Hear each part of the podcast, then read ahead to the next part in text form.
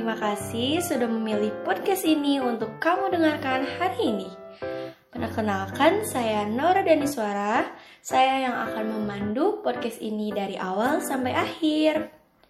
Pada kesempatan kali ini, saya akan menyampaikan sebuah teks prosedur yang mengambil tema kebiasaan hidup yang berjudul Kiat Menjadi Pribadi yang Tegas, Mudah Memahami Orang Lain, dan Cakap Menyelesaikan Konflik.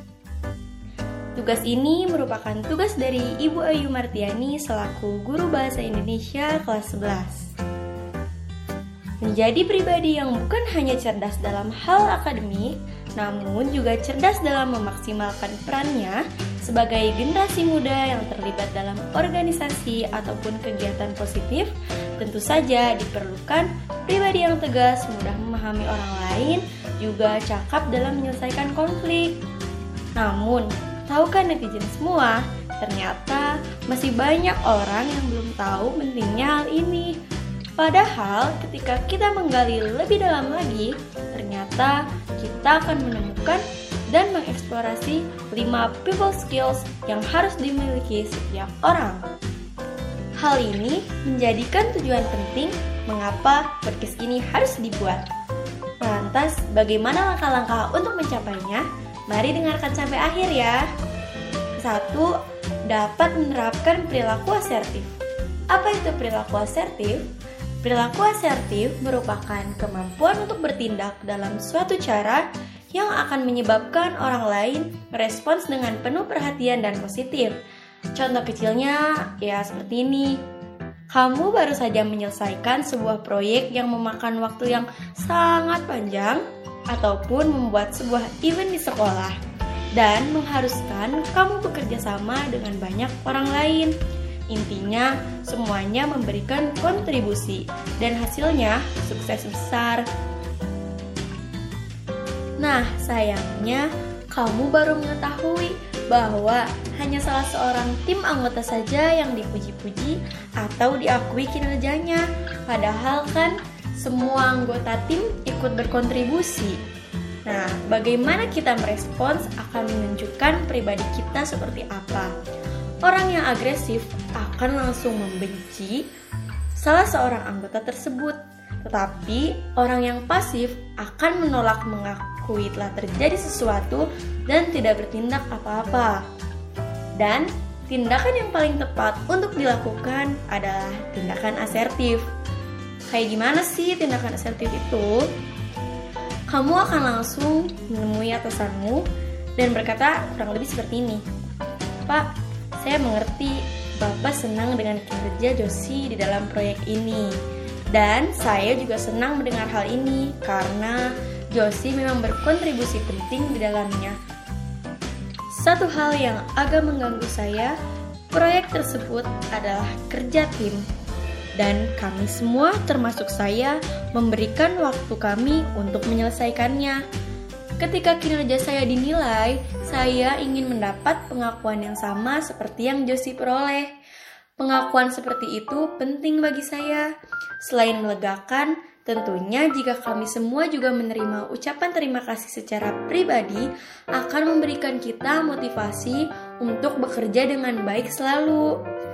Nah, tanpa kita sadari, kita masih berperilaku pasif dan agresif yang ternyata sangat kekanak-kanakan sekali ya netizen. Maka itu, mulai dari sekarang, terapkanlah perilaku asertif dalam diri kita. Yang kedua, ciptakanlah lingkungan yang menyenangkan.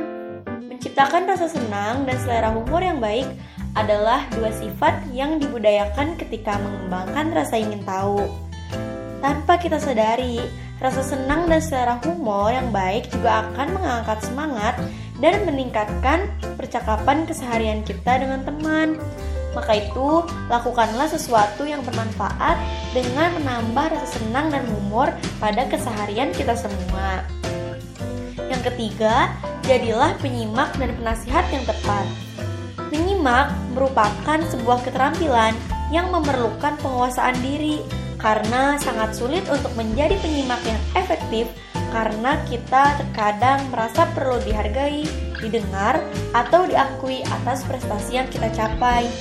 Menyimak secara efektif adalah ketika kita dapat mematuhi aturan berbicara yang baik, juga menyimak dengan empati. Ketika kita dapat menjadi penyimak yang baik, otomatis kita bisa menjadi penasihat yang baik karena kita sudah paham bahwasanya kita mengerti dengan apa yang mereka pikirkan sebelum mereka utarakan. Bahkan, kita bisa menjadi penasihat dengan memberikan masukan konstruktif. Nah, jadi ketika kita bisa menerapkan langkah-langkah yang sudah saya sebutkan sebelumnya, maka kamu akan mendapatkan manfaatnya, yaitu kamu akan menemukan 5 keterampilan penting yang harus dimiliki setiap orang, yaitu relasi positif, rasa ingin tahu, komunikasi yang bagus, ambisi, dan penyelesaian konflik. Selanjutnya, saya akan menjelaskan aspek kebahasaan yang terdapat di dalam teks prosedur tersebut. Yang pertama, terdapat kata imperatif. Kata imperatif yang terdapat dalam teks tersebut yaitu kata jadilah, ciptakanlah, dan terapkanlah. Yang kedua, yaitu terdapat pernyataan persuasif. Hal ini terdapat dalam kalimat Ingat, Jangan hanya ingin didengar, tapi mari jadi penyimak dan penasihat yang tepat.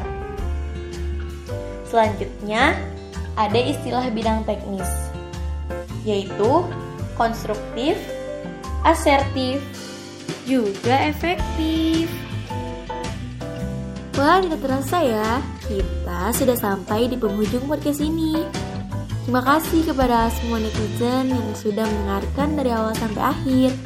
Titip salam ya buat ibu, ayah, semua keluarga kamu. See you on the next podcast. Dah.